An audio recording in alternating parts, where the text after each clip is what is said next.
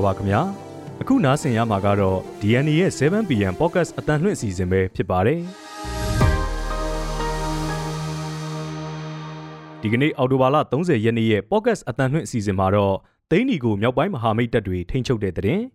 ရှမ်းမြောက်ထိုးစစ်အတွင်းစစ်ကောင်စီစခန်း60နီးပါးအထိသိမ်းပိုက်ခံထားရတဲ့တဲ့တင်အုပ်ဖို့မှာအုပ်ချုပ်ရေးမှုတူပြစ်တက်ခံရတဲ့တဲ့တင်ခင်ဦးမြို့နယ်မကြီးတုံရွာကပြူစောတိစခန်းစီးနင်းတိုက်ခိုက်ခံရတဲ့တဲ့တင် မန္တလေးမြို့လေကပေါ်ဦးရွှေဆိုင်ဓမြတိုက်ခံရတဲ့တဲ့တင်စတဲ့ပြည်တွင်းသတင်းများနဲ့အတူဂါဇာမှာအစ္စရေးတင်ကားတွေဆက်လက်တပ်ဆွဲထားပြီးဂါဇာစီးတီးကိုပိတ်ဆို့ဖို့ပြင်ဆင်နေတဲ့တဲ့ဂါဇာမှာကုလသမဂ္ဂရဲ့လူသားချင်းစာနာမှုအထောက်ပံ့ပစ္စည်းတွေလူရက်ခံရတဲ့အကြောင်းပြင်ຫນွေဦးတွေကကြပြကြပြတွေကຫນွေဦးကိုနားဆင်ရမှာဖြစ်ပါတယ်။ဒီအစီအစဉ်ကိုတော့ကျွန်တော်မောင်သိန်းနဲ့အတူနန်းခမ်းတို့ကတင်ဆက်ပေးသွားမှာပဲဖြစ်ပါတယ်။ အခုပြည်တွင်းသတင်းတွေကိုတင်ဆက်ပေးပါမယ်ရှင်။ပထမအဦးဆုံးပြောပြချင်တဲ့အကြောင်းကတော့သိန်းနီကိုမြောက်ပိုင်းမဟာမိတ်တပ်တွေထိန်းချုပ်လိုက်တယ်ဆိုတဲ့အကြောင်းပါ။ရှမ်းပြည်နယ်မြောက်ပိုင်းသိန်းနီမြို့နယ်ကစစ်ကောင်စီတပ်နဲ့ရဲစခန်းတွေကိုမြောက်ပိုင်းမဟာမိတ်ညီနောင်တပ်တွေကတိုက်ခိုက်သိမ်းပိုက်ပြီးတော့အော်တိုဘာလ29ရက်မနေ့ကလေးကထိန်းချုပ်ထားနိုင်ပြီလို့ဒေသခံတွေက DNA သတင်းဌာနကိုပြောပါတယ်။ဒါဟာရှမ်းမြောက်ထိုးစစ်စတင်ပြီးတဲ့နောက်3ရက်အတွင်း မဟာမိတ်တပ်တွေကမြို့နှမြို့အထိတိုက်ခိုက်သိမ်းယူလိုက်တဲ့တဘောဖြစ်ပါတယ်။ကိုကန်တက် MNDAA နဲ့မဟာမိတ်တပ်တွေဟာထိုးစစ်စတင်ပြီးတဲ့နောက်တရုတ်မြန်မာနယ်စပ်ကချင်းရွှေဟော်မြို့ကိုလည်းတိုက်ခိုက်သိမ်းပိုက်ထားပါတယ်။လက်ရှိမှာတော့သိန်းနီမြို့ထဲမှာကိုကန့် MNDAA တပ်သားတွေအများအပြားနေရာယူထားပြီးတော့မူဆယ်နန့်ခမ်းသွားလမ်းခွဲနဲ့ဟိုဘန်လောက်ကင်သွားလမ်းခွဲတွေမှာမြေရီတူးပြီးတော့ကားတွေသွားလို့မရအောင်လမ်းပိတ်ထားတယ်လို့ဒေသခံတွေစီကသိရပါတယ်။ မြောက်ပိုင်းမဟာမိတ်တပ်ဖွဲ့တွေဟာတိန်းနီရဲစခန်း၊နက်ဇလက်ရဲစခန်းနဲ့မခီနူရဲစခန်းတွေအပါအဝင် အနီးဝန်းကျင်ကစစ်ကောင်စီတပ်စခန်းတွေရဲစခန်းတွေနဲ့စစ်ဆေးရေးဂိတ်တွေကိုပါတိုက်ခိုက်သိမ်းပိုက်ထားတာဖြစ်ပါတယ်။မြောက်ပိုင်းညီနောင်သုံးဖွဲ့အဖွဲ့ဝင် TNL ပြန်ကြားရေးကတော့စစ်စင်ရေး1027အဖြစ်အောက်တိုဘာလ29ရက်နေ့မနေ့ည8နာရီခန့်မှာ တပ်မဟာငါစစ်ဒေသအတွင်းကသိန်းနီမြို့စစ်ကောင်စီမိုင်းလီတပ်စခန်းတစ်ခုကိုတိုက်ခိုက်သိမ်းပိုက်ရရှိခဲ့တယ်လို့ဒီကနေ့မနက်ပိုင်းမှာထုတ်ပြန်ထားပါတယ်။ဒီကနေ့မနက်အစောပိုင်းမှာမူဆယ်နန့်ခမ်းချင်းရွှေဟောလောက်ကိုင်ဟိုပန်ကွန်လုံးစတဲ့နေဆက်မြို့တွေဖက်ကိုတွားဖို့အတွက်အတိကကြတဲ့တရားဖြစ်တဲ့မူဆယ်လာရှိုပြည်တော်စုလမ်းမကြီးပေါ်သိန်းနီမြို့အဝင်ကနံပါတ်2မြစ်ကူတရာမိုင်းခွဲဖျက်ဆီးခံလိုက်ရတယ်လို့လည်းဒေသခံတွေကဆိုပါတယ်။ မြောက်ပိုင်းမဟာမိတ်အဖွဲ့အစည်းဖက်ကဖောက်ခွဲလိုက်တာဖြစ်တယ်လို့ဒေသခံတွေကပြောဆိုနေကြပြီးမြို့အဝင်ဒရာရဲ့တစ်ဖက်ခြမ်းမှာလည်းလက်ရှိစစ်ကောင်စီတပ်နဲ့မဟာမိတ်သုံးဖွဲ့တို့တိုက်ပွဲဖြစ်ပွားနေတဲ့ဟိုတာရွာကောင်းဟော်ရွာတွေတရှိရာနေရာဖြစ်ပါတယ်။ဒုတိယသတင်းတပုတ်အနေနဲ့ရှမ်းမြောက်ထိုးစစ်အတွင်းစစ်ကောင်စီစခန်း60နီးပါးအထိသိမ်းပိုက်ခံထားရတဲ့အကြောင်းကိုပြောပြပေးပါမယ်။ ရှမ်းပြည်မြောက်ပိုင်းကညီနောင်မဟာမိတ်၃ဘွဲ့ရဲ့1027စစ်စင်ရေးထိုးစစ်စတင်ပြီးတဲ့နောက်ဒီကနေ့နေ့လယ်ပိုင်းအထိ၄ရက်အတွင်းစစ်ကောင်စီရဲ့စကန်းကြီးငယ်ပေါင်း60နီးပါးထိသိမ်းပိုက်နိုင်ခဲ့တယ်လို့ကိုကန့်တက် MNDAA ကထုတ်ပြန်ထားပါတယ်။ ပြီးခဲ့တဲ့၄ရက်ကြာအော်တိုဘာလ28ရက်မနက်ပိုင်းမှာတပြိုင်တည်းစတင်ခဲ့တဲ့1027စစ်စင်ရေးအတွင်းမဟာမိတ်တပ်တွေကစစ်ကောင်စီစကန်းတွေကိုဇက်တိုက်ဆိုသလိုတိုက်ခိုက်သိမ်းပိုက်နေပြီးစစ်ကောင်စီဘက်ကထိခိုက်ဒေဆုံးသူရာနဲ့ချီရှိသလိုလက်နက်ခဲယမ်းတွေလည်းအမြောက်အများသိမ်းဆည်းထားနိုင်တယ်လို့ဆိုပါတယ်။မဟာမိတ်တပ်တွေဟာချင်းရွှေရောမုံကိုသိန်းနီလာရှိုးမူဆယ်နောင်ချို စတဲ့ရှမ်းမြောက်မြို့နယ်တွေကစစ်ကောင်စီတပ်စခန်းတွေနဲ့ကိုကန့်ကိုပိုင်အုပ်ချုပ်ခွင့်ရဒေသအတွင်းတပ်စခန်းတွေကိုတိုက်ခိုက်သိမ်းပိုက်ခဲ့တာလို့ထုတ်ပြန်ချက်တွေအရသိရပါဗျ။ဒီတိုက်ပွဲတွေအတွင်းမဟာမိတ်တပ်တွေဟာစစ်ကောင်စီရဲ့တန်ကြပ်ကာကားနှစ်စီးကိုဖျက်ဆီးခဲ့တယ်လို့လေကြောင်းကချပေးတဲ့လက်နက်ခဲယမ်းတွေအပြင်လက်နက်ခဲယမ်းမျိုးစုံတောင်ပုံရပုံတင်စီထားနိုင်တယ်လို့ကိုကန့်တက် MNDAA ရဲ့ထုတ်ပြန်ချက်မှာဖော်ပြထားပါတယ်။ စစ်ကောင်စီကတော့တာဝေးပစ်လက်နက်ကြီးတွေနဲ့လေကြောင်းတိုက်ခိုက်မှုတွေကိုအဓိကအသုံးပြုနေပြီးအရက်သားတွေထိခိုက်ဒေဆုံးမှုနဲ့လူနေအိမ်အဆောက်အုံတွေထိခိုက်ပျက်စီးတာတွေလည်းရှိနေပါတယ်။ဆက်လက်ပြီးပြောပြချင်တဲ့အကြောင်းကတော့အုပ်ဖို့မှာအုပ်ချုပ်ရေးမှုတအူပြစ်တက်ခံရတယ်ဆိုတဲ့အကြောင်းပါ။ပဲခူးတိုင်းအုပ်ဖို့မြို့နယ်တရက်နှဖျားလိန်ကျေးရွာအုပ်စုချောင်းခွကေရွာကစစ်ကောင်စီခန့်အုပ်ချုပ်ရေးမှူးတဦးကို ပြည်သူ့ကာကွယ်ရေးတပ်ဖွဲ့တွေဖက်ကမနေ့မနေ့7တနိုင်ဝင်းကျင်မှာပြစ်ခတ်လို့တေဆုံးသွားတယ်လို့တော်လိုင်းရေးအင်အားစုတွေကပြောပါတယ်။ပြီးခဲ့တဲ့အောက်တိုဘာလ၄ရက်က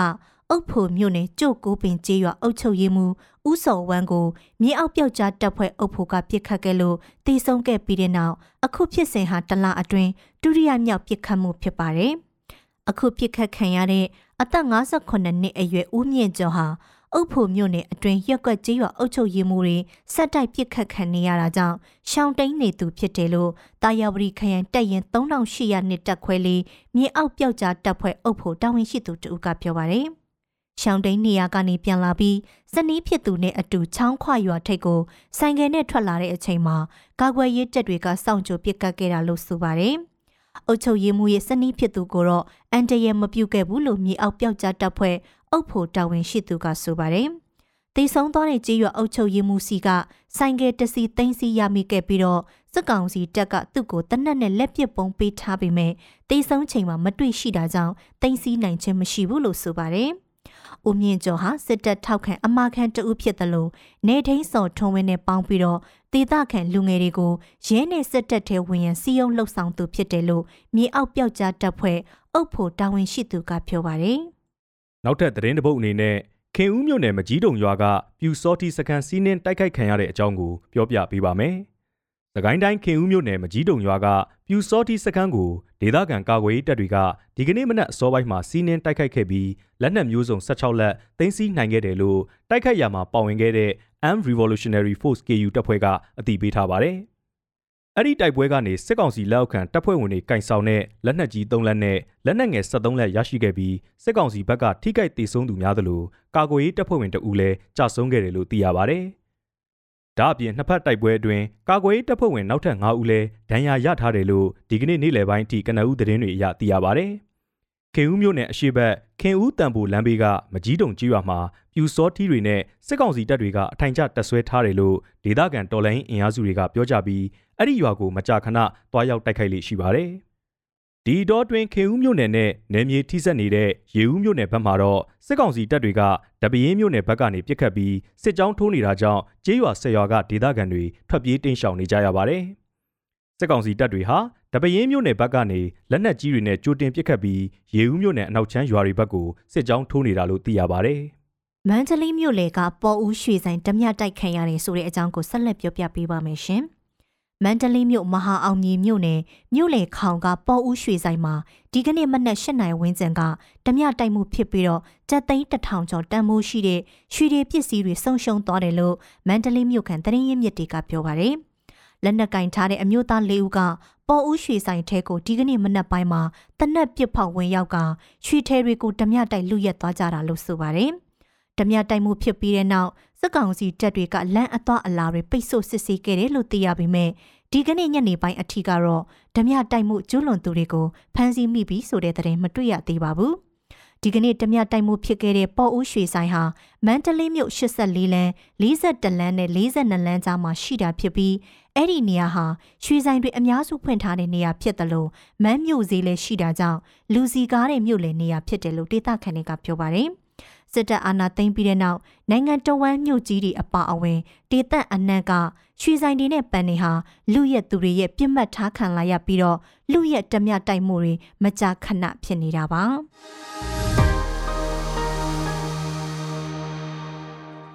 ဆက်လက်ပြီးတော့နိုင်ငံတကာသတင်းတွေကိုတင်ဆက်ပေးပါမယ်ရှင်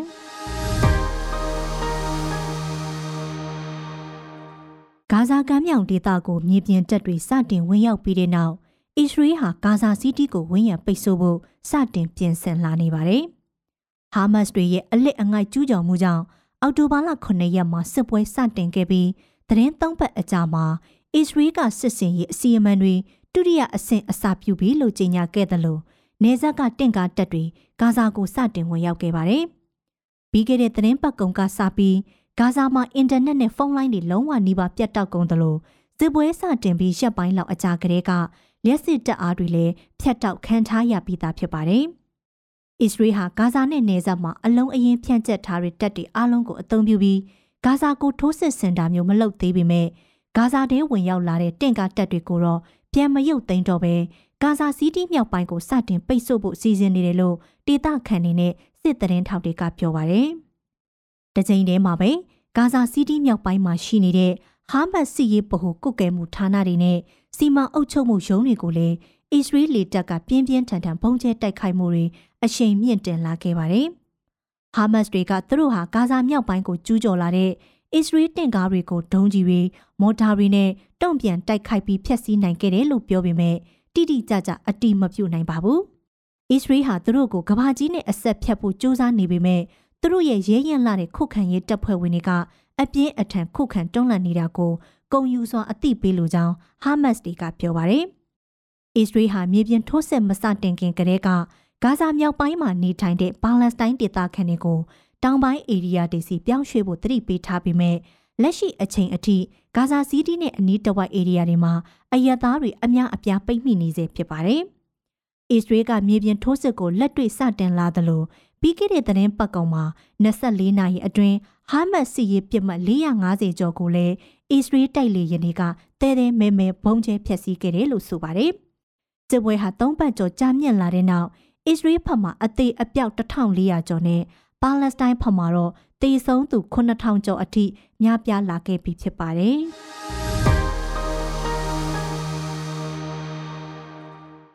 ဂါဇာဒုက္ခသည်တွေအတွက်ရည်ရွယ်ထားတဲ့ထောက်ပံ့ရေးပစ္စည်းတွေဖောက်ထွင်းလူရက်ခံရတဲ့နောက် ဂါဇာဒေသရဲ့ငြိမ်ဝှက်ပြပြမှုအခြေအနေဆက်တိုက်ကျဆင်းလာနေတဲ့အပေါ်ကုလသမဂ္ဂကသတိပေးလိုက်ပါတယ်။ပြီးခဲ့တဲ့သတင်းပတ်ကောင်ကအီဂျစ်ကနေဂါဇာကိုတင်မို့ပြီးတီရာအဲပါရာဒေသမှာထားရှိတဲ့ထောက်ပံ့ရေးပစ္စည်းတွေကိုလူပေါင်းထောင်နဲ့ချီဝင်ရောက်လှုပ်ရက်ခဲ့ကြပါတယ်။အစာအသောက်ကိုတောင်လေးတွေကိုလူတွေကဖောက်ထွင်းဝင်ရောက်ပြီးတော့လူသားချင်းစာနာမှုအထောက်အပံ့ပစ္စည်းတွေကိုယူငင်တာဖျက်ဆီးတာတွေလုပ်ခဲ့ကြတာဖြစ်ပါတယ်။ ကုလသမဂ္ဂလက်အောက်ခံအေဂျင်စီတွေဟာဂါဇာနဲ့ထိစပ်နေရာအီဂျစ်ပိုင်ရာဖာနေဆက်ကိတ်ကနေလူသားချင်းစာနာမှုပစ္စည်းတွေတင်ပို့ပြီးဂါဇာမှာတိုးလောင်ထားတဲ့အချိန်အခုလိုလူရက်မှုတွေကြုံလာရတာပါ။အရန်စင်ရဲ့ကြက်တဲနေတဲ့လူတို့ကိုထိမ့်သိမ့်ဖို့ကမလွယ်တော့ကြောင်းဂါဇာရဲ့ငြိမ်ဝတ်ပြပြမှုအခြေအနေကစိုးရိမ်စရာအဆင့်ထိရုတ်ရုတ်ကျဆင်းလာနေကြောင်းကုလသမဂ္ဂရဲ့ပါလက်စတိုင်းဒုက္ခသည်အေဂျင်စီ UNRWA ရဲ့ ဂါဇာဒေသဆိုင်ရာအကြီးအကဲသောမတ်ဝိုက်ကပြောပါတယ်။ဂါဇာကမ်းမြောင်တောင်ပိုင်းနဲ့အလဲပိုင်းမှာရှိတဲ့ UNRWA ကုံလောင်ယုံတွေကိုလူတွေထောင်နဲ့ချီဝင်ရောက်လူရက်ခဲ့ပြီးတော့ကြုံမုံတွေနဲ့တခြားအရေးကြီးတဲ့အခြေခံလူသုံးကုန်တွေကိုလူရက်ခံခဲ့ရတယ်လို့သူကအတည်ပြုခဲ့ပါတယ်။ဂါဇာအလဲပိုင်းမှာရှိတဲ့တီရာအဲပါရာဟာအီဂျစ်ကနေပို့ဆောင်ထားတဲ့ထောက်ပံ့ရေးပစ္စည်းတချို့ခွဲဝေတူလောင်ထားတဲ့နေရာဖြစ်ပြီးလူရက်မှုတွေကြောင့် UNRWA အတွက် ထိခိုက်ဆုံးရှုံးမှုတွေကြုံတွေ့ခဲ့တယ်လို့လည်း White ကဆိုပါတယ်။အစ္စရေးဟာအောက်တိုဘာလ9ရက်ကဟာမတ်စ်တွေနဲ့စစ်ပွဲစတင်ပြီးတဲ့နောက်ပိုင်းဂါဇာကိုအဖက်ဖက်ကဝန်းရံပိတ်ဆို့ပြီးတော့ထောက်ပံ့ရေးကွန်ရက်တွေကိုဖျက်တောက်ထားခဲ့ပါတယ်။ဒါပေမဲ့အမေရိကန်ရဲ့ကြားဝင်မြစ်တာရက်ခံမှုကြောင့်ဒါဇင်နဲ့ကြီးများပြားတဲ့ထောက်ပံ့ရေးထရက်ကတချို့ကိုသာအီဂျစ်ပိုင်နဲ့ဖက်ကနေဝင်ရောက်ဖို့အစ္စရေးကခွင့်ပြုခဲ့ပါတယ်။ဒါပေမဲ့အဲ့ဒီပမာဏဟာဂါဇာလူဦးရေနှစ်သက်မှ3တန်းအတွက် ဘလို့မှမဖူလုံနိုင်ပါဘူး။စပွဲမစတင်ခင်ကာလတွေမှာဂါဇာကိုပြန်မြထောက်ပံ့ရေးထရက်ကာအစီးရေ900လောက်ပုံမှန်ဝင်ရောက်လေရှိတယ်လို့လည်း UNRWA ရဲ့စည်ရင်းတွေအရသိရပါဗျ။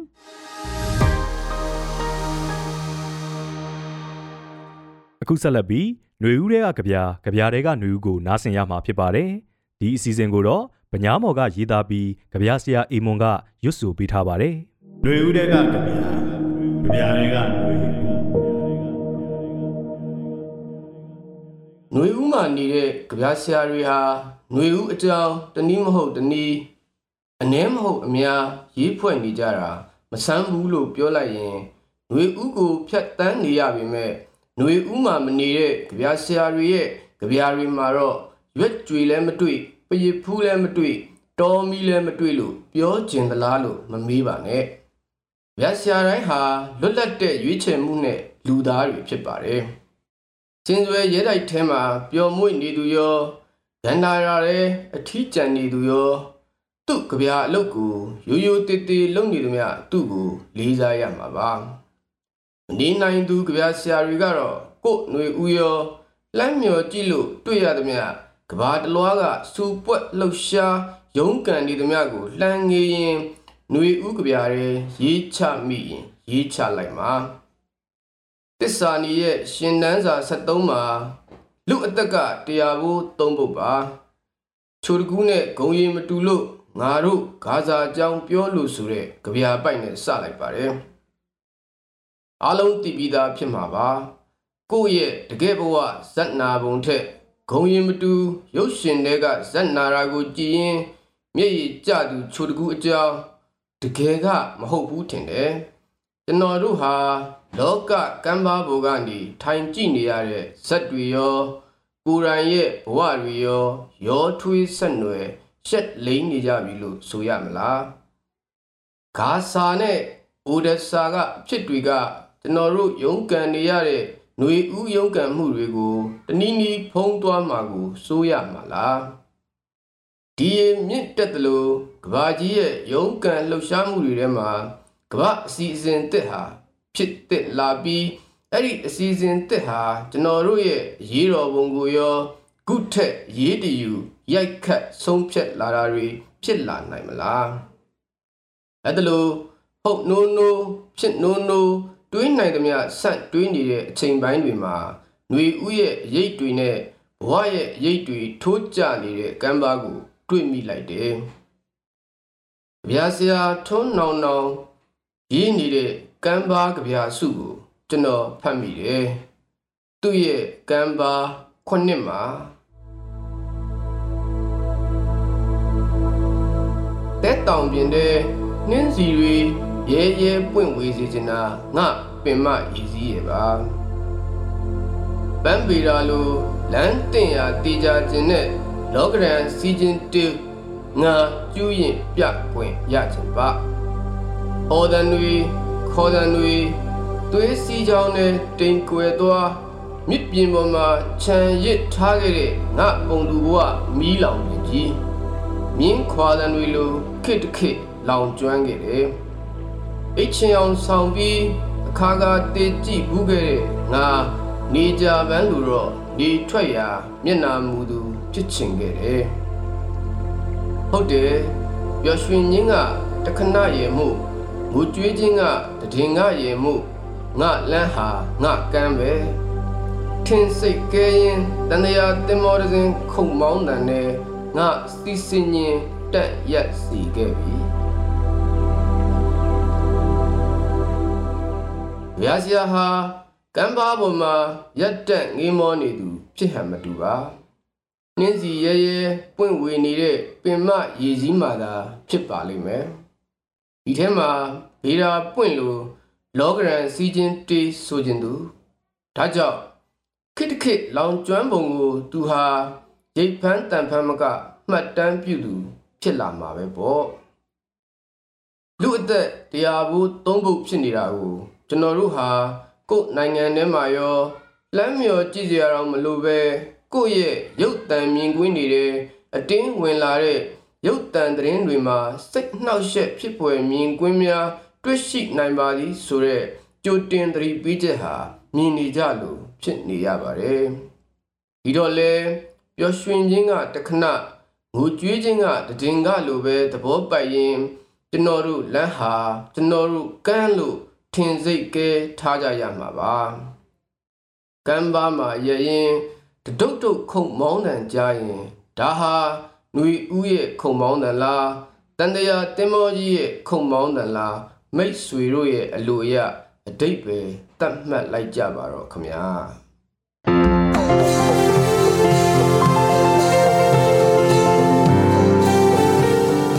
DNA ရဲ့ podcast အတန်လွင့်အစီအစဉ်ကိုအပတ်စဉ်တနင်္လာနေ့ကနေတောက်ကြနေ့ည9:00နာရီတိုင်းမှာတင်ဆက်ပေးသွားမှာပဲဖြစ်ပါတယ်။ဒီအစီအစဉ်ကိုတော့ DNA ရဲ့ Facebook Page ကနေအပြင် Anchor, Spotify နဲ့ Google Podcast တို့တွေကနေတဆင့်လဲနားဆင်နိုင်ပါတယ်ခင်ဗျာ။